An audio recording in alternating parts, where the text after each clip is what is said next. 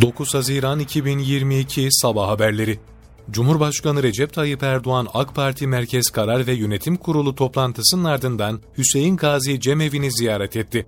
Erdoğan burada Alevi ve Bektaşi derneklerinin temsilcileriyle Muharrem ayı iftarına katıldı.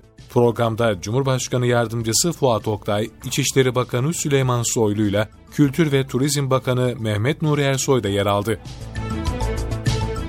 ÖSYM'nin sosyal medya hesabından yayımlanan duyuruda sınav takviminin güncellendiği belirtildi.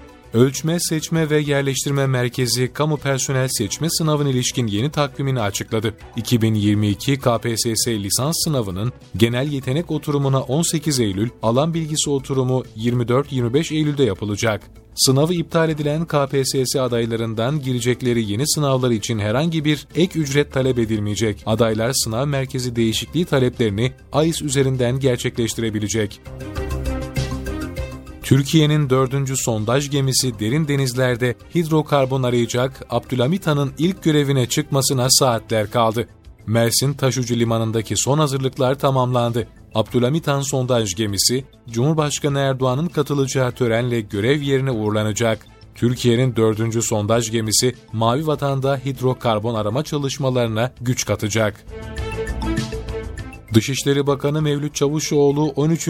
Büyükelçiler Konferansı kapsamında Avrupa Güvenlik ve İşbirliği Teşkilatı'ndan büyükelçilere hitap etti.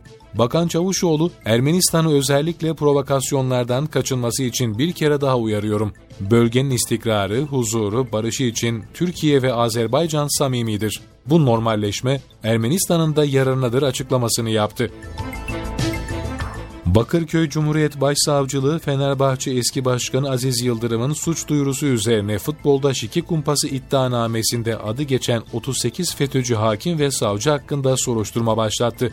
İddianamede şüphelerin yargı yoluyla futbol camiasına dizayn etmek ve Fenerbahçe kulübünü ele geçirerek dönemin başkanı Aziz Yıldırım'ı tasfiye etmek amacıyla faaliyet gösterdikleri belirtildi. Zekeriya Üzün de aralarında bulunduğu 38 kişi hakkında soruşturma açılmasına karar verildi.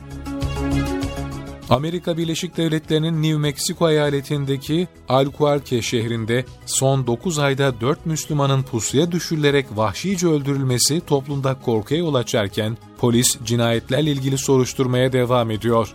En son 5 Ağustos Cumartesi günü vurularak öldürülen 25 yaşındaki Naim Hüseyin, 2 hafta içinde öldürülen 3.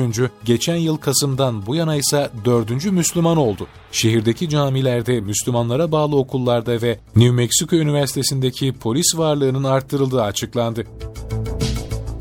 Yunanistan'da telefonu Ulusal İstihbarat Teşkilatı tarafından dinlendiği ortaya çıkan muhalefet partisi PASOK'un lideri ve Avrupa Parlamentosu milletvekili Nikos Adurlakis, Başbakan Kyrios Mitsotakis'in kurulan derin devlet düzeni hakkında açıklama yapmaktan düzenli şekilde kaçındığını söyledi.